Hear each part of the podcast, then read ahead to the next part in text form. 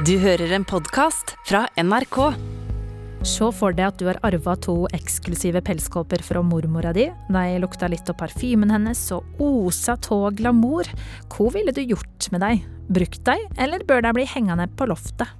Og Ulrik merka at folk blir provoserte når han sier at han skal be for deg. Hvordan ville du reagert om noen sa de ville be en bønn for det? Det her det er noen av de etiske dilemmaene fra hverdagen til det som lytter på, som skal diskuteres i Etikketaten i dag. For hver uke så inviterer jeg nemlig tre kloke folk som har ulike syn på livet, og nå så sitter de straks klare for å gi råd. Mitt navn er Kjersti Anderdal Bakken, og det her det er Etikketaten. Hallo? Jeg bare, skal jeg skru ned litt på lyden, ja? Litt ned. Er det bedre? Ja, kanskje litt til.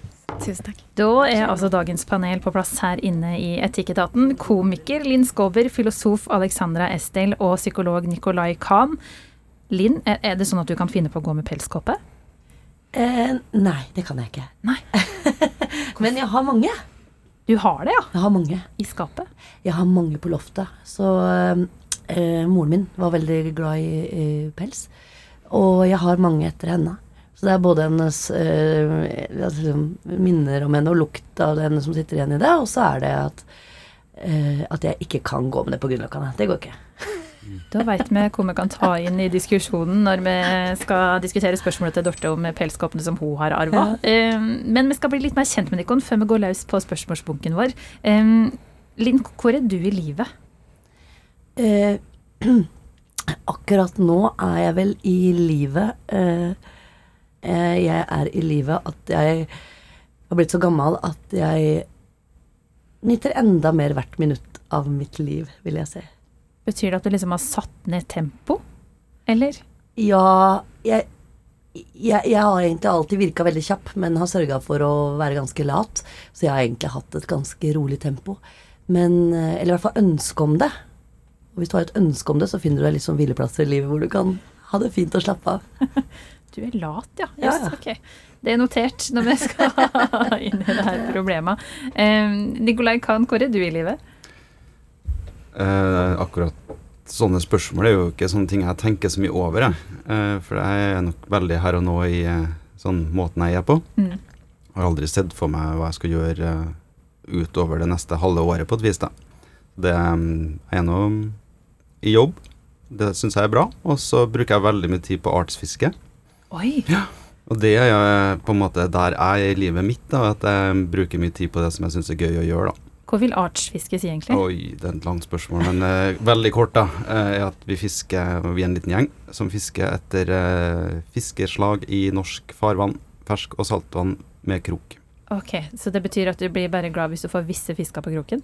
Ja, jeg blir alltid glad. Ok. Ja, men noen er, blir jeg gladere av. Hva, hva jobber du med? Jeg jobber som psykologspesialist i um, uh, akuttpsykiatri, men for pasienter som også har en fysisk sykdom. Da. Så folk som er innlagt på sykehuset, bistår jeg med psykiatrisk hjelp. Da. Ok. Mm. Eh, Alexandra, du må få samme spørsmålet. Hvor er du i livet? Um, ulempen med å høre de fine svarene her, er jo at man får jo tid til å tenke litt. Så det blir jo mindre, mindre uh, på sparket. Um, men jeg tror jeg er i livet der hvor jeg ønsker å få ut de tingene jeg tror på. Uh, så jeg er en slags sånn gjøren-fase. Um, når man studerer, f.eks., så er det veldig mye sånn um, Man lærer seg ting og uh, kanskje finner ut hvor man står på ting. Men nå så føler jeg veldig at jeg har lyst til å få det ut. Jeg har lært veldig mye om humanisme og filosofi og etikk. Og det ønsker jeg å dele med verden. Du kom jo med stikkord på hva du jobber med. Ja. Eh, du er filosof. Det stemmer. Og etiker. Ja. ja. Jeg er en filosof som har spesialisert seg i etikk. Mm.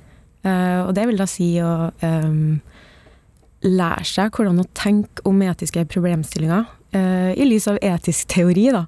Uh, men det kan jo selvfølgelig overføres til hverdagstema som påvirker alle.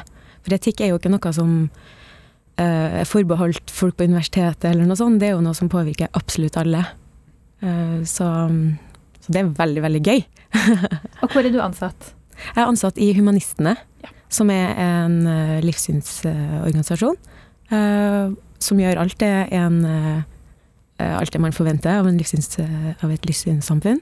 Mm, seremonier og eh, ungdomsseremonier og sånn. Eh, I tillegg til at vi jobber aktivt for å få til et eh, bedre samfunn. da. Det er veldig fint å ha med en fagperson da, i Etikketaten. En etiker er en nydelig tittel. Skulle gjerne hatt, uh, hatt sjøl. Um, Linn Skover, Nicolai Kahn og Alexandra Estil um, har blitt litt bedre kjent. Vi skal i gang med arbeidet.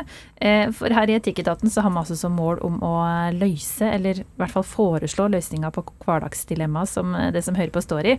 Og nå så skal uh, dagens kloke tilsette få bryne seg på det første spørsmålet. Ulrik har sendt oss denne e-posten til etikketaten krøllalfa nrk.no. Hei, jeg er en gutt på 26 år som har vokst opp i det såkalte bibelbeltet. Hele oppveksten så var jeg veldig aktiv i menigheten, og fram til nylig har omgangskretsen min i hovedsak vært truende kristne. En måte å vise omsorg og kjærleik for hverandre på, det er ved å be, f.eks. hvis en har blitt sjuk, gruer seg til eksamen eller har det vanskelig på en eller annen måte. Og det å bli fortalt 'jeg skal ta det med i bønnene mine', blir sett på som en fin gjerning. Men nå når jeg har begynt å studere i en annen by med folk i 20-åra som ikke er truende, så kjenner jeg at jeg nærmest skvetter litt når jeg sier at jeg skal be for deg. Derfor så har jeg nå slutta med det her, noe jeg syns er litt kjipt, da det bare er ment som en fin ting fra min side. Så jeg lurer på hvorfor er det egentlig sånn at folk reagerer på å bli bedt for? Kan jeg fortsette med å be for deg jeg har rundt meg, uten å fortelle deg om det? Eller bør jeg egentlig spørre først? Helsing Ulrik. Er det, er det noen av dere som har blitt bedt for? Å oh ja, det tror jeg har blitt gjort mange ganger. Husker du en konkret situasjon? Ja, jeg husker nok kanskje for at liksom eh, I min familie, sånn østkanten i Oslo, så er det med liksom eh, tro er litt røft, da, liksom. ikke sant? Og, og, samme som tradisjoner og sånne ting, som på en måte blir en del av hverdagen. Sånn på siden med overtro, liksom. Eh, som kan være sånn åh, det har sett for mange svarte fugler i dag, f.eks. Det sier vi bare sånn uten at det er. Men også sånn åh, jeg skal be for deg. Skal, det skal jeg be for at det blir bra. Det er en sånn hverdagssetning, men som jeg syns er øm. Um, når man analyserer den, da, selv om det bare er en vanlig setning i en vanlig dagligtale. Så jeg, hvis man skal svare fort på dette som først, da, så vil jeg si å ja. Eh, det er jo bare at noen ønsker deg vel, og eh, det er den som tar imot sitt problem. For det, hvis la meg si det er en ateist sa, som ikke vil bli bedt for, så tenker jeg men da er det jo du som tror på det. For ellers hadde det jo vært bare som et pust i vinden, og det hadde ikke skjedd noe. Så da er det egentlig ateisten da, som er redd for denne makten over som, kan, som han kan møte. da. Men jeg syns det, eh, det, er som et klapp på kinnet. Som at jeg ser deg og jeg bryr meg. Ville du skvette litt, Nikolai, hvis noen hadde sagt 'jeg skal be for det'? Nei, det tror jeg faktisk ikke. Jeg, jeg tror ikke det hadde på en måte blitt provosert av det, eller um, Jeg vet ikke om jeg hadde blitt sånn takknemlig for det heller. Um, jeg tror jeg hadde tenkt sånn Det må du nå bare få lov til å gjøre, på et vis. Det er, ikke, det er, jo, det er jo, ditt behov. Hvis, hvis, du bruker tida di på det, så greit for meg. Ja, men jeg, jeg tenkte sånn Det er ditt behov for å Eller din måte å vise omsorg på, eller Men det kan jo også ligge en uh, opplevelse av å, å, bli kritisert hvis noen sier du skal be for dem òg, da.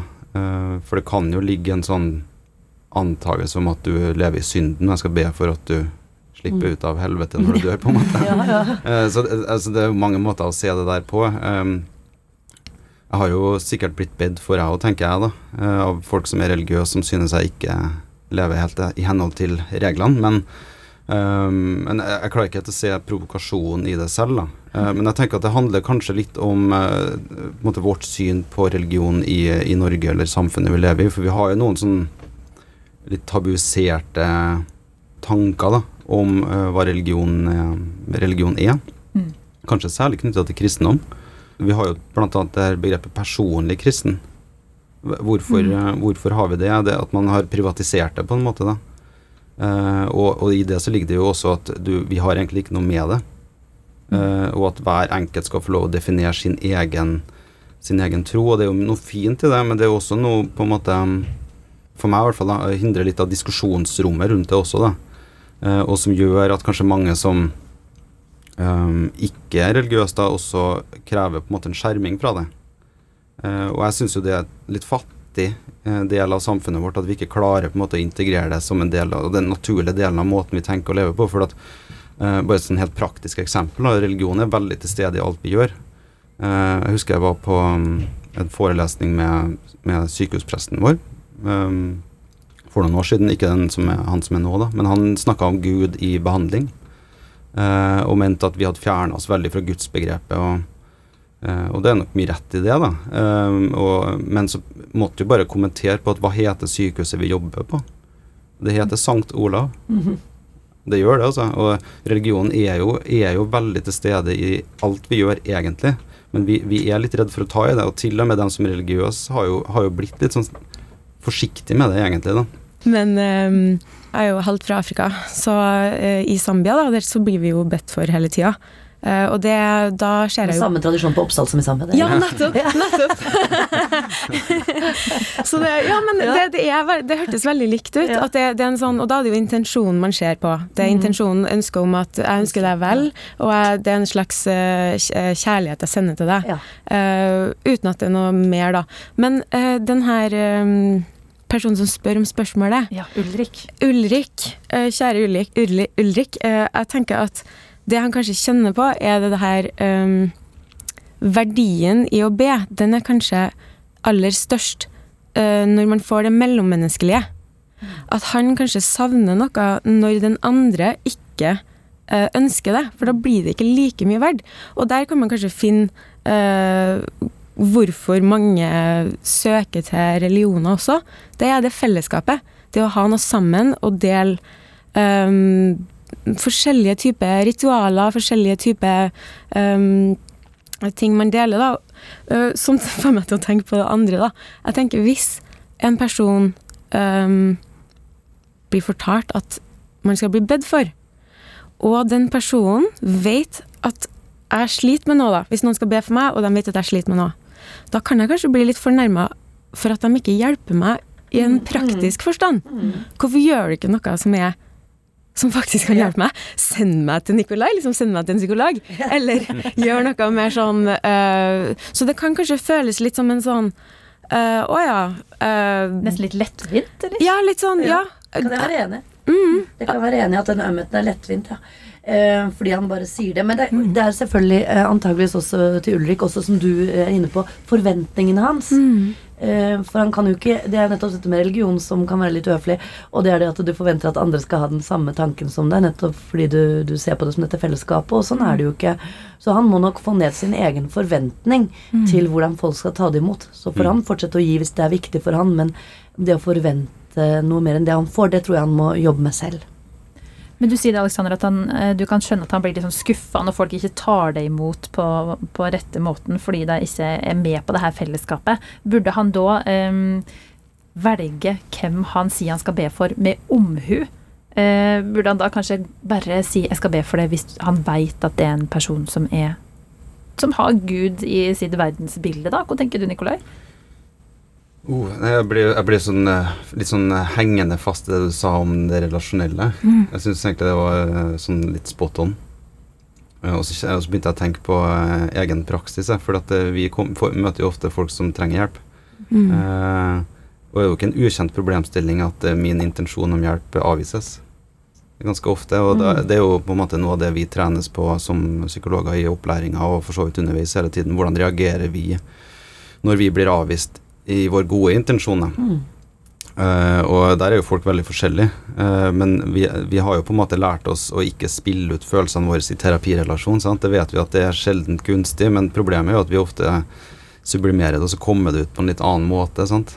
Så det er at vi kan bli litt sånn psykologer. er ja, ikke ja, de finnes, skjønner du. Ja. og da kan vi bli da kan, Jo, men det er veldig ubehagelig å Jo, på sånne på jeg forstår det veldig godt, Ja, men, sant. å- men å møte det er en morsom karakter. ja, sant. Jo, men det er mye, mye potensial for humor der. altså, Passiv-aggressiv Men psykolog. det finnes, sant. Og at man kanskje blir eh, litt unnlatende. Ja. Kanskje man ikke jobber like hardt som man ville ha gjort ellers, eller å overkompensere overdrevne eh, involvering. Ja. Det ser vi kanskje mest av det. Oh, ja. Hvordan da?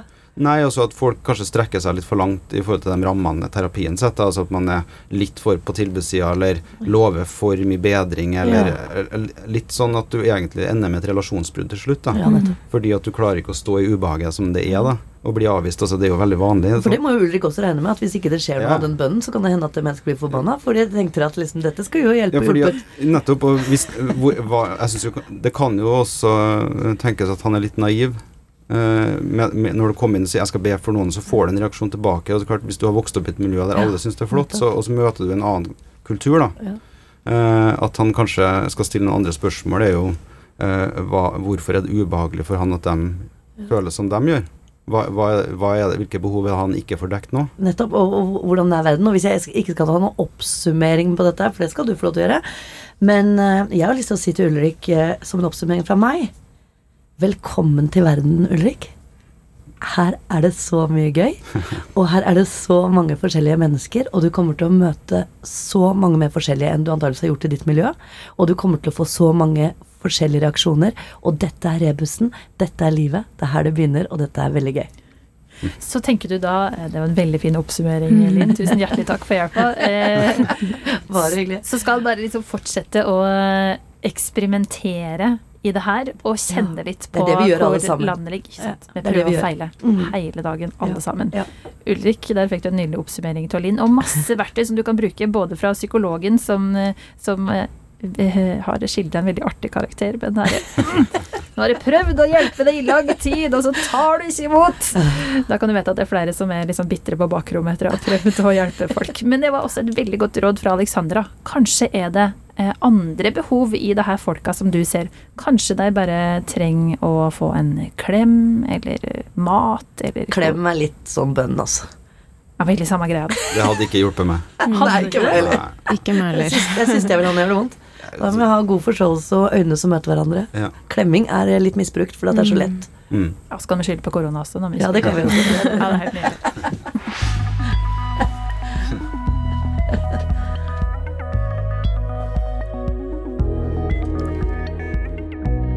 Etikketaten i dag består av komiker og jeg slenger på forfatter også. Linn Og skuespiller Skåber. kan du også ta med, altså. Skuespiller. Er det flere ting du vil ha på? Ja, mange ting jeg vil ha på. Medmenneske. Psykolog vil jeg ha. Men det kan jeg ikke, da. Men jeg kan si det likevel.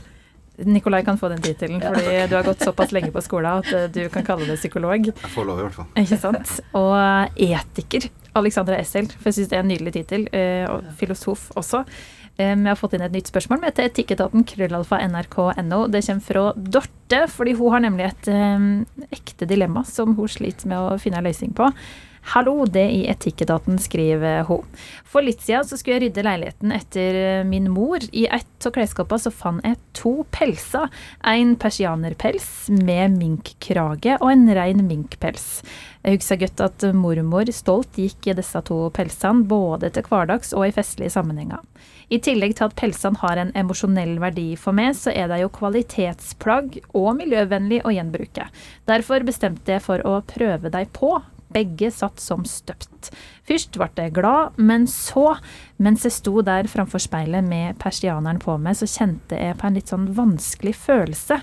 Det kunne aldri ha falt meg inn å kjøpe en pels i 2021, men er det greit å gå med en arva pels? Er det i det hele tatt innafor å gå med pels? Jeg prøvde å se for meg at jeg skulle gå, den, gå med den i jobb, men da fikk jeg en følelse av at det ligger et slags umusikalsk budskap i å ha på seg denne pelsen og gå med den offentlig. Hva signaliserer jeg overfor omverdenen når jeg tar på meg en persianer? Jeg har ikke hjerte til å kaste deg, men jeg vil jo ikke at jeg skal gjemmes bort i et skåp heller. Hva skal jeg gjøre? Helsing Dorte. Og for deg som ikke vet hva en persianer er, så har jeg googla på vegne av alle hus. Den er Eh, fæl. Ja, du, ja, du syns det? Ja, er det ikke det som er tatt ut av mors liv og så videre? Åh, jeg tror det er noe fødte lam, men det er noen Ja. sånne strenge regler for, eh, for eh, når de skal fødes og Ja. kanskje bli født litt for tidlig og sånn. Ja. Jeg trodde det var en katt, det. Det er det òg, det er det også, men det er ikke pels. Nei. nei. Det blir veldig mange katter til for å lage pels. Eh, Det er lam av karakulsau. Usikker på om jeg uttaler det riktig.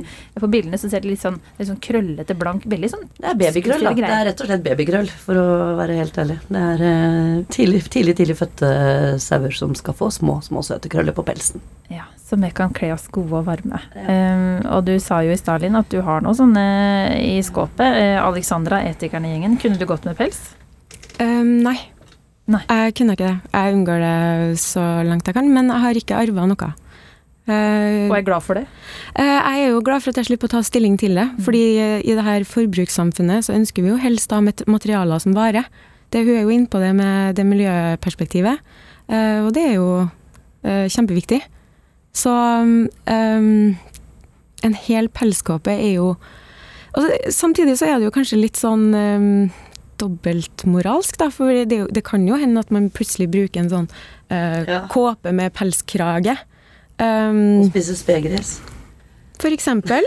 For eksempel. ja. Så det Så um, jeg tenker jo, uh, for å gå rett på uh, problemstillinga vår, da, så har jo hun um, hun, hun kan jo se på det som en mulighet til å bli kjent med sine egne verdier enda bedre. Uh, er det viktigst for hun å ikke kaste? For det er jo veldig mange som, som kanskje ser på det som en uh, dyd eller en viktig verdi nå. Uh, det å sløse og uh, la det gå til spille, da. De livene som gikk, gikk bort, de er jo allerede tapt. Um, og det hun kan jo f.eks. vurdere å engasjere seg politisk da, i det her spørsmålet. Det er jo veldig mye som har skjedd de siste årene. Uh, og bli med på den bølgen, hvis hun brenner veldig mye for det.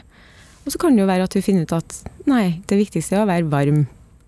Uh, men jeg ser på det som en sånn veldig fin mulighet for hun til å finne, finne ut hva hun uh, Hvor hun står, da. Mm. For det virker jo som det er veldig mange avveininger for hun. Masse. Nikolai, mm. ville du tatt deg på det? Hvis jeg skulle jobbe som hallik, så kanskje, men ellers så Jeg så for meg det på psykologtjenesten din med pels, ennå, skjønner du. da tror jeg det hadde vart kort tid i den bransjen, men eh, nei, altså Fornærma psykolog med pels. Det, det, begynner å bli en sånn karakter der nå, skjønner jeg. Eh, nei, altså helt praktisk problemstilling da, eh, er jo at du ofte arver pels i dag. Det er jo ikke så mange som kjøper seg, det tror jeg ikke.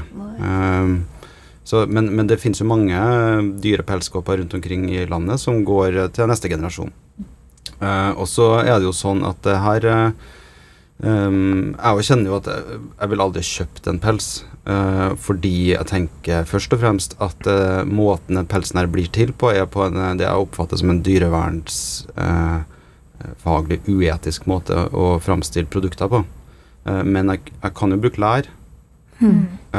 Nettopp. Og, og, jeg kan jo spise uh, dyrekjøtt, og selv driver jeg jo fiske. Altså det, er jo, det er jo ikke bare positivt for dyrene, det vi gjør. Um, for å ta et helt sånn konkret eksempel, da. Um, for noen år siden så gikk min farmor bort. Uh, og hun hadde noe minkpels, tror jeg det var. Uh, og det var ingen i min familie som ønska den pelsen.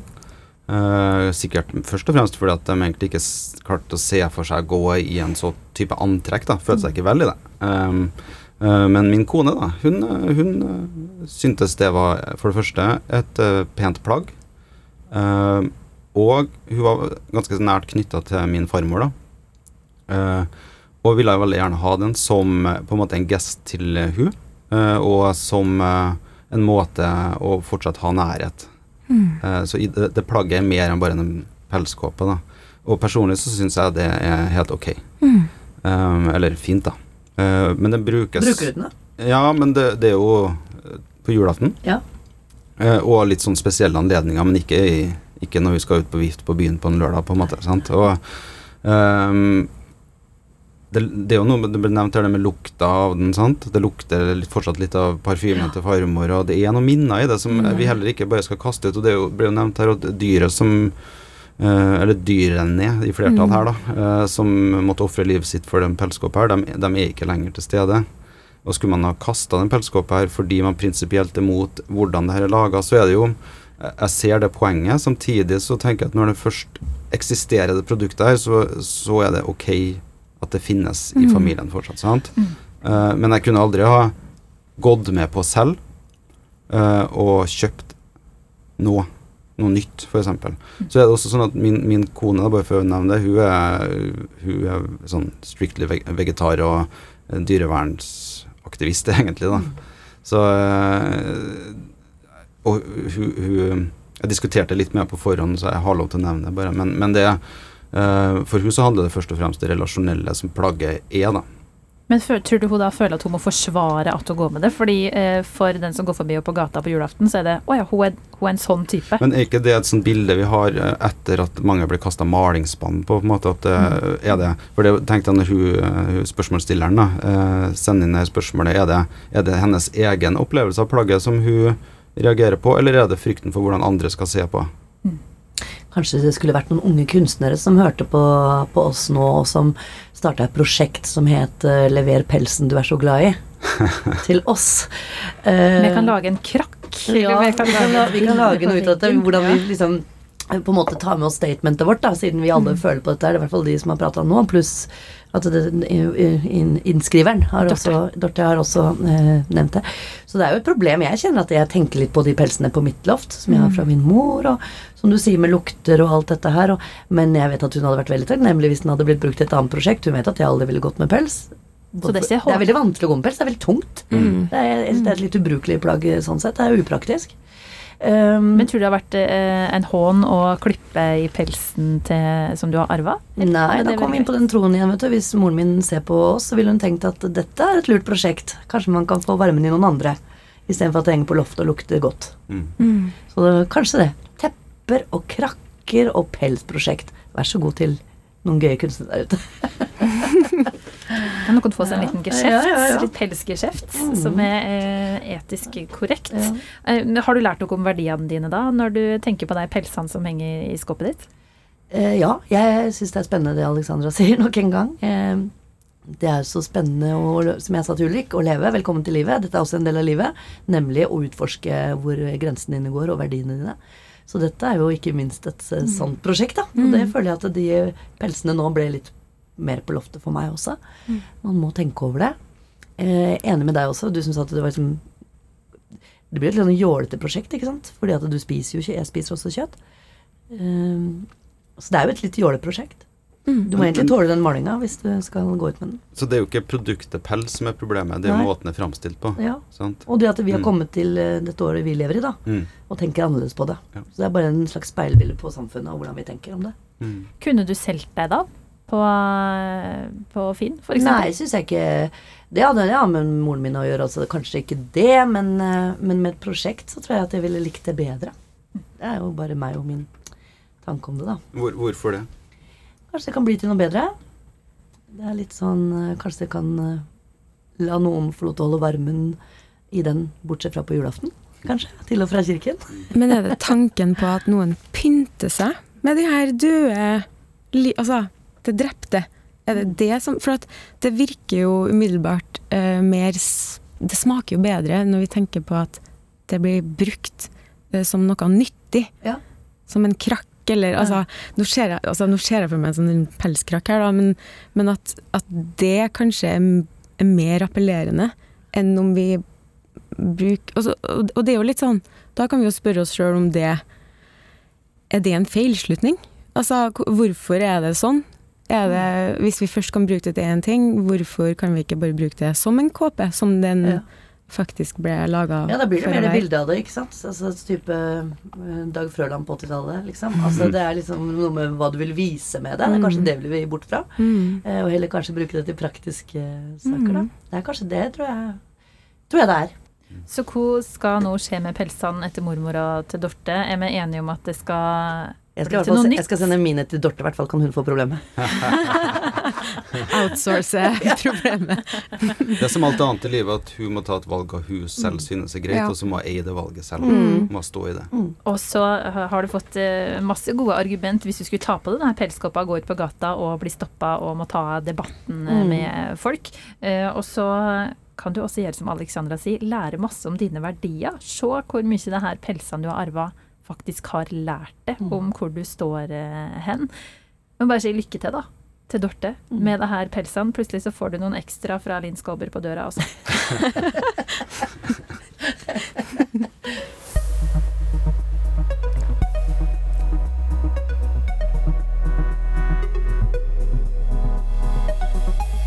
I Etikketaten i dag så er det altså psykolog Nicolai Kahn, etiker Alexandra Estel og komiker Linn Skåber som eh, sitter og tenker kloke tanker rundt spørsmåla som det som hører på har sendt inn til etikketaten krøllalfa nrk.no. Vi hører gjerne fra det som hører på nå, om det er et eller annet i hverdagen din som du skulle ha lufta med Etikketaten. Men nå så skal vi ta en liten pause fra innboksen. Vi skal vende oss mot den her nydelige hellige gral som har fått to batterier i seg. Sånn er det når du setter en skål på kontoret, så bruker folk det som søppelbøtte. Men det er altså en hellig gral. det skal nemlig få en slags ekstra utfordring. Oppi her så er det masse lapper med spørsmål som ikke jeg aner hva er. Ikke Dikkon heller. Eh, jeg tenkte jeg skulle bare sende rundt det. Hvem vil starte? Jeg starter her med starte. Alexandra, som har fått så masse betenkningstid før i dag. Ok. Oi. ok. Hvordan ser Gud ut? Oi. Artig at du fikk det spørsmålet. det, også, ja. det er jeg som skal svare på det. Ja, Det blir deg. Um, altså, må man vite hvordan Gud ser ut? Uh, det tror jeg egentlig ikke. Tror du at Gud fins, da? Um, nei, jeg tror ikke at Gud fins. Men det jeg tror finnes, det er jo en, et behov. Et behov for å ha et svar om noe. Og det har vi da forma som det vi kaller som Gud, da. Og det betyr veldig mye for veldig mange, og jeg uh, anerkjenner og respekterer at veldig mange tror at Gud finnes, og veldig mange kanskje føler at de vet også. Det respekterer jeg også. Mm, og hvordan Gud ser ut for dem, det er jo det, det, det jeg tror varierer veldig, da. Noen vil kanskje forestille seg at det er som en slags far, eh, far i himmelen, eller noen vil kanskje, for noen andre er det et lys, eller en slags varme. Hvordan Gud ser ut, vil jo Altså hvis man er blind, hvordan ser, man, hvordan ser Gud ut da? For en person som virkelig elsker Gud, vet jeg ikke om det har så mye å si. Eh, Har Gud et utseende for din del, eh, Linn, eller er det Nei, abstrakt? Først så tenkte jeg det må sikkert være en blanding av alle gode mennesker du kjenner. Altså et slags sånn gjenkjennbart av uh, de kinnbena til det mennesket som var så godt å klemme på, eller de øynene jeg møtte da. Men så tenkte jeg da hadde jo Gud vært veldig lite smart. Så tenkte jeg kanskje kanskje det er et bilde av alle fiendene dine. Slik at du skal lære å elske det det du ikke liker. Kanskje du blir utfordra i det øyeblikket du lander et eller annet sted. Det var jo veldig fint. Ah, fint takk. Mm. Ok, eh, nå skal du få en lapp, eh, Nikolai. Skal du ha? Håper jeg får en jeg kan svare på, da. Hva skjer etter døden? Skal jeg svare på det, da? Det. Nå skal du høre. Da, da skrives det dødsattest. Du, har jo, du møter jo mange som, eh, som står i det her, som, som, eh, Ja. snart skal, som snart skal dø. Absolutt. Ja. Ja. Jeg snakker jo veldig mye med alvorlig fysisk syke og om nettopp det her, da. Og én ting er å snakke med folk eh, rett før de skal dø, for det gjør vi sjelden. For da er jo folk ofte veldig dårlige og kanskje ikke helt bevisst og sånn, men kanskje i ukene før eller i eh, noen år før der du vet at det her er utfallet. Og det er jo veldig ulikt eh, hva folk tenker om det, altså. Eh, noen er jo veldig redd, eh, men det som eh, min erfaring eh, så langt i hvert fall har vært, er jo at folk et, ganske fort innfinner seg med akkurat det men er kanskje mer sånn redd for hva som skjer rett før. Eh, og så er man trist eh, for, eh, på vegne av andre. Mm. Man snakker, veldig mange snakker jo veldig om hvordan det blir for de andre å miste, og at de ikke kan sørge for sine nærmeste på den måten der, og kanskje barna sine og ektefelle særlig, da. Min utfordring med sånne samtaler er jo at jeg har jo aldri dødd før. Eh, og kommer aldri til å oppleve det, egentlig. Eh, fordi eh, det er min tanke rundt det, at jeg, kommer aldri til å vite hvordan det er å dø. Fordi da, da tenker jeg at da er jeg borte. Og den nærmeste antagelsen jeg har, da, er jo at det, det er som det var før jeg ble født. sant? Det, det er min holdning til det. Men det er nok også fordi jeg er såpass realistisk. Og så kan det også være en måte å tenke på det fordi at det er litt skummelt å tenke på at man skal dø. Og da er det litt sånn trygt å kjenne på at det, du merker ikke noe til det. Men for alt jeg vet, så kan det jo være jeg kommer til helvete. Kanskje jeg tok feil. Um, jeg vet ikke. Så hva som skjer etter døden der, der eh, Jeg skulle ønske jeg hadde svaret på det. Uh, men hvis jeg hadde svart på det, så mener jeg at jeg hadde sittet og bare dikta opp ting. da. Eller, ja, jeg må få svare, jeg òg. Ja, vil du svare? Å ja, om jeg vil. Jeg har sittet og ventet. Jeg har nesten litt svett i hendene. Eh, fordi eh, Jeg starter dette med å si at jeg vet ikke. ikke? For jeg, jeg syns at tro er tro. Så sånn er det. Eh, og derfor snakker jeg bare ut fra meg selv nå. Så jeg skal si, ikke si at jeg har rett, for jeg tror du kanskje har like mye rett. Men jeg er nesten helt overbevist om at det finnes noe etter døden. Og jeg tror vi kan glede oss til det. Jeg snakka med en eh, fyr en gang som sa til meg at uh, Han sa at livet er som en fotballkamp. Ganske mye. Det er dribling av ballen og Dårlig metafor for meg som ikke har sett en fotballkamp, men jeg skjønte litt hva han mente. Den nærheten til ballen og liksom eh, alt der. Du skjønner ikke spillet og hvem er bak der, og du vet ikke noe om det. Men så død er å sitte på tribunen og få en oversikt over det hele. Det er veldig fint. For meg så er det en veldig stor motivasjon, det at jeg skal dø. Jeg har øh, aldri øh, ville ikke dødd. Det er selvfølgelig noe Altså, da håper jeg at jeg har klart å forvalte tida mi på en god måte. Så um, Men får du gjort noe etterpå? Etter at du har dødd? Nei, det er nettopp det. Da er det for seint. Linn, Mm, er du klar? ja. Jeg klarer ikke engang å brette ut lappen, så dette eh, skal ikke gå bra. Skal vi se. Nå klarer jeg det. Ja. Her kommer spørsmålet. Oi. Hvem er ditt forbilde?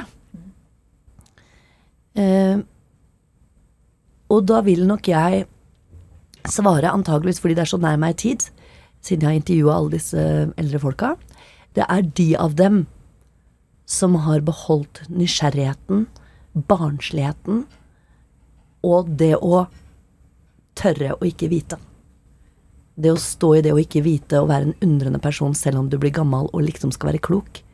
Men å tørre å si at de er ukloke, det er de fineste folka jeg vet om, og det er mange av dem. Men de er ikke overrepresentert, for de fleste av oss vil jo bevise at vi har lært noe på denne jorda. Men jeg liker best de menneskene som, eh, som tør å la seg undre. Da tror jeg du kan leve lenge og godt. Da kan jeg jo kanskje nevne sånn Hvis jeg må nevne noen av navn, det er jo kanskje vanskelig. Det er eh, mange privatpersoner som jeg kjenner i mitt liv, men jeg syns det var gøy med Arne Næss senior, da. Ja. Filosofen nikker. Bare, ja. Ja. ja, Linn! Helt enig. Ja. Har du et forbilde, Nikolai? Ja, jeg har, jeg, jeg har nok det. Ja. Men jeg, det er nok ikke sånn idol på den måten der, da. Men jeg har, jeg har, eh, jeg har en person som jeg ofte tenker på som en sånn person som jeg beundrer for eh, mot, da. Eh, og det er kanskje litt eh, Det ble nevnt det med fotball. Da syns jeg hun Karen Espelund, hvis dere kjenner til hun eh, vært sentral i eh, fotball, eh, internasjonal fotball i mange år, som sto veldig opp for eh, eller imot korrupsjon i internasjonal toppfotball. Eh, og som kvinne fra Norge å stå der, det syns jeg Ja, det er rett og slett utrolig tøft, da. Jeg blir så engasjert når jeg sitter og snakker om det. Det er veldig fint å stå og, og høre dere snakke. Men nå så er det altså Geir som skal få uh, hovedrolla her i Etikketaten. Det er altså um, Linn Skåber, psykolog, Nicolai Kahn og etiker Alexandra Estel som sitter i panelet her uh, i dag. Um, og Geir han skriver også til oss. Hallo, dikkon kloke folk i Etikketaten. Jeg er en litt grann konfliktsky mann som trenger noen råd fra dikkon. Jeg er generelt eh, dårlig på å sette ned foten, skjære gjennom, si at nok er nok. Når noen stopper meg på gata for å selge meg et abonnement for Leger uten grenser eller Redd Barna, så har jeg store problemer med å avvise deg. Jeg går gjennom byen på vei hjem fra jobb hver dag og har lært meg å ha radaren på hele tida. Jeg ser etter folk som vil med noe, og går omveier for å slippe å forholde meg til det her. Dette har jeg blitt ganske god å fange opp med tida, skriver han i parentes. Men nå så har jeg fått problemer på døra. I forrige uke så satt jeg og et koteletter da dørklokka ringte. Utafor sto to elskelige eldre damer som lurte på om jeg var venn med Jesus. Jeg sa som sant er at jo ja, jeg er iallfall ikke uvenn med Jesus. Og dermed så hadde jeg åpna døra på gløtt, bokstavelig talt, for misjonering. Det enda faktisk med at jeg inviterte deg med på kaffe. Det var hyggelig nok, jeg er glad i folk og syns det er artig å prate om både Gud og Jesus. Men kotelettene ble kalde, og da de drog, så hadde vi en avtale om at jeg skal komme tilbake på onsdag om to uker. Med huet så skjønner jeg at jeg burde avvise disse folka blankt, både for deres del og min egen, fordi jeg kommer jo aldri til å la meg frelse, men hjertet sier at jeg skal være snill og grei, sånn er jeg oppdratt. Så kjære Etikketaten, jeg trenger et triks eller to for å avverge sånne pinlige situasjoner. Jeg har mest lyst til å slå til lyset og late som jeg ikke er hjemme neste onsdag, men jeg har bestemt meg for at nå skal jeg stå i det her. Helsing Geir. Er det noen som kjenner seg att i Geir, eller? Altså, Jeg har så mange fine barndomsminner. Jeg har bare ro fra drabantbyen min fra Oppsal. Det er én ting som jeg ser på tilbake som et mareritt, eh, og det var av redsel for nettopp påtrengende misjonering. Det var at eh, eh, vi, Jeg tror vi var i en litt fortvilet situasjon fordi mormoren min hadde vært så dårlig. Og mamma slapp inn Jovas vitne. og det står ennå for meg som et sånn Apropos det jeg snakker om å leve med religion til dagligdags. Men det at noen kommer inn til oss med en type mening og en type misjonering, det er det skumleste jeg har opplevd. Jeg tror til og med mamma, som jeg aldri hadde sett liksom be så mye og sånn, jeg tror til og med hun knelte med de folka inn på, på, på, på kjøkkenet. Og jeg tenkte bare La dem ikke brenne seg fast i henne. Hun må fortsette å drikke vin og gå med høla sko og rød neglelakk. Ikke la dem få henne til å bli sånn kristendøv, liksom. Tenkte jeg da. Um, fordi jeg som sagt tror på min Gud, og jeg tror at jeg tror på mennesker som tror på noe. Jeg syns det er så vakkert. Jeg synes Det er noe av det vakreste vi kan drive med. Men jeg liker ikke misjonering, og det har jeg tenkt på alltid.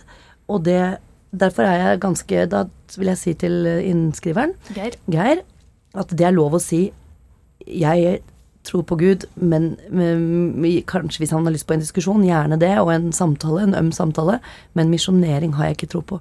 Jeg hadde vært kjempelei meg hvis f.eks. en muslim satt ved mitt bord og etter at du var ferdig med å prate med meg, sa at 'nå tror jeg på din Gud', det hadde vært et tap for meg.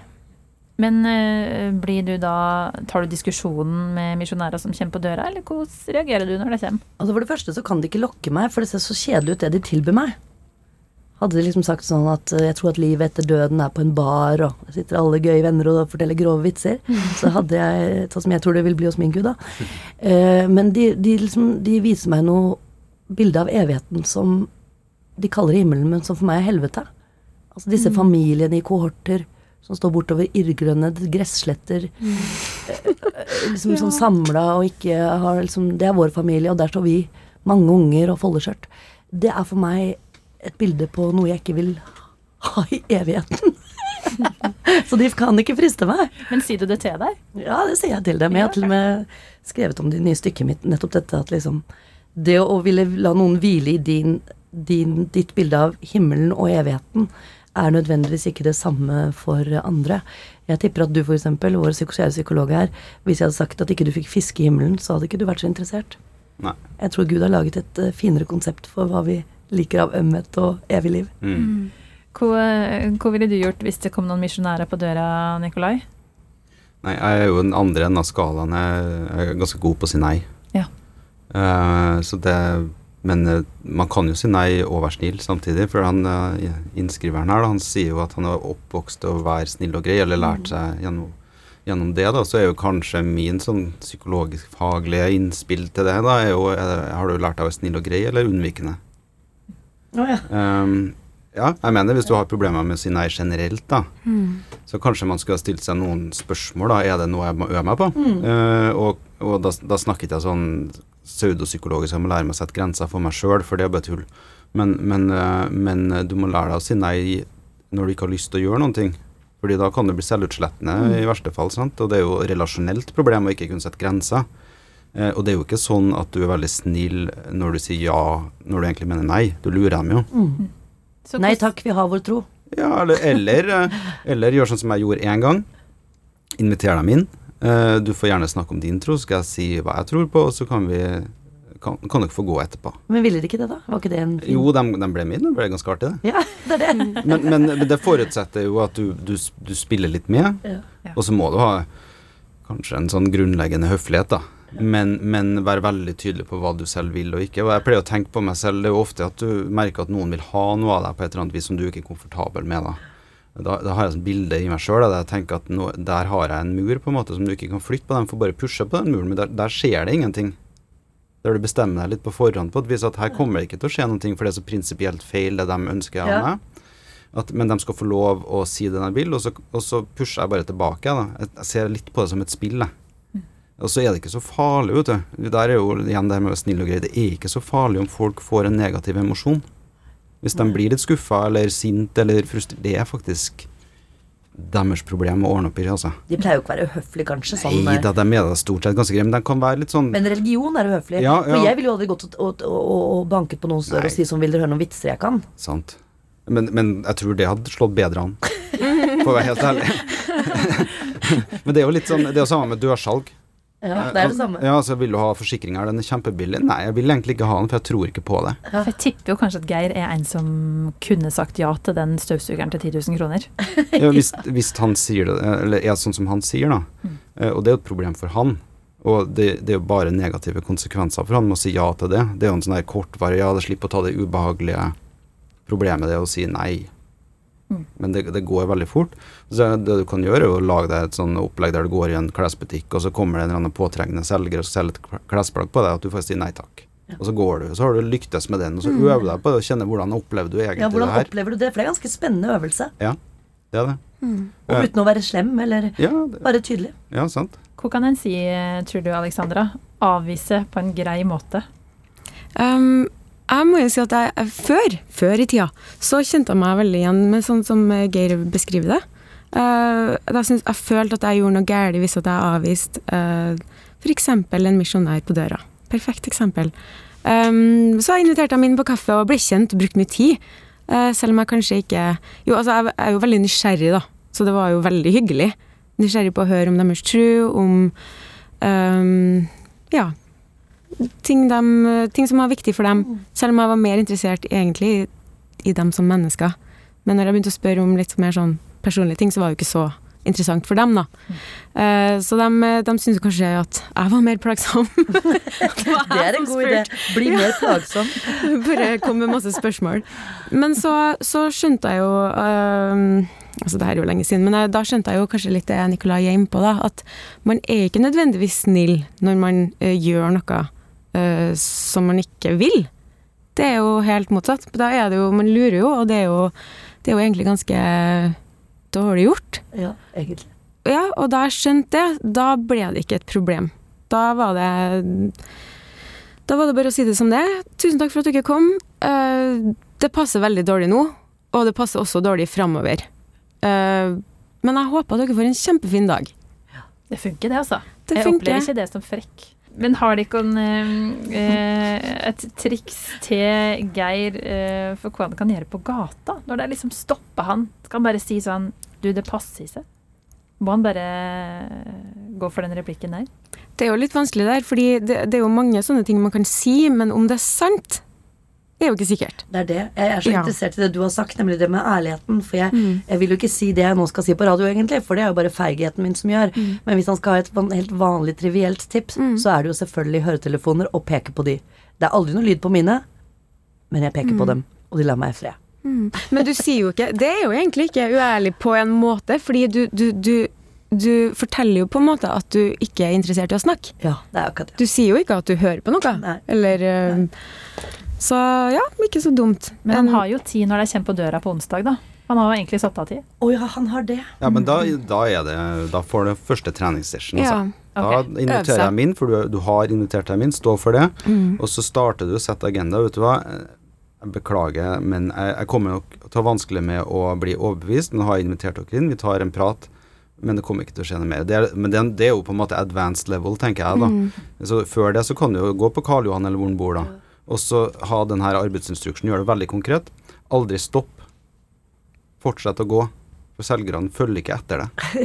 Jeg, jeg har bare et lite tips til slutt til han eh, med hva jeg ville gjort. Apropos det at jeg mener at det er uhøflig å trampe over eh, Eller å ville formidle sitt syn da, på den måten som er litt påtrengende. Da ville jeg gjort det motsatte. Da ville jeg, den dagen de kommer, så demper du alt lyset. Ha på litt diskolys i hjørnet. Masse vin på benken. Høyhæla sko, gjerne på han også. Og uh, alt han egentlig ikke skal si. Ja, kom inn! Jeg er i gang med min livsstil. Her får dere lov til å besøke meg. Jeg tar et glass vin, og vi røyker inne i dag. Svart, svart, metal på radioen. Ja. Ja. ja. Jo da, da, det, det fungerer helt sikkert, det Ja, også. det tror jeg kan bli en fin kveld. Ja, det er nydelig. Eh, Geir, du ba altså om triks for å avverge pinlige situasjoner der du sitter med to misjonærer i sofaen, og når du får besøk på onsdag av to damer som du i utgangspunktet syns er hyggelig, men som du ikke vil ha besøk av. Um, du fikk sikkert noe å tenke på når psykologen her sa at eh, kan det være at du er unnvikende og må trene litt på å si nei og sette agenda når de kommer inn i din stue, så er det du som styrer, styrer showet. Og så kan du kjøre fullt show da, med høyhæla sko og diskokule hvis du vil ha det litt artig med det her eh, misjonærene. Eh, lykke til da, Geir. Jeg har litt lyst til å vite hvordan det går. Hvis, Ja. eh, hvis du tar, går for den høyhæla sko og diskokule-varianten. Eh, send oss gjerne en e-post til etikketaten krøllalfa nrk.no. Bare understreke at det var ikke psykologens råd. Nei.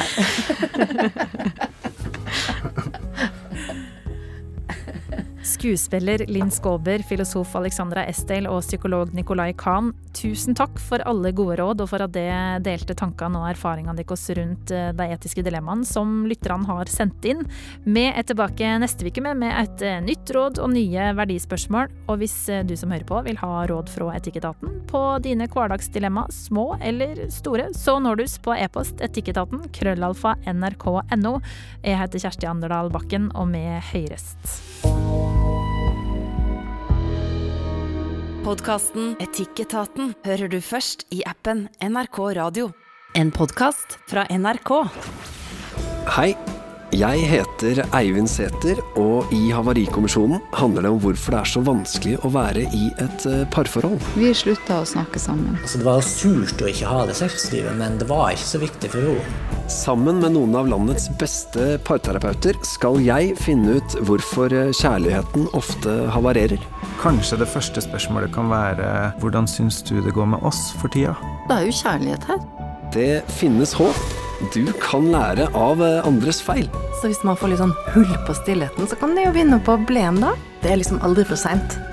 Podkasten Havarikommisjonen hører du først i appen NRK Radio.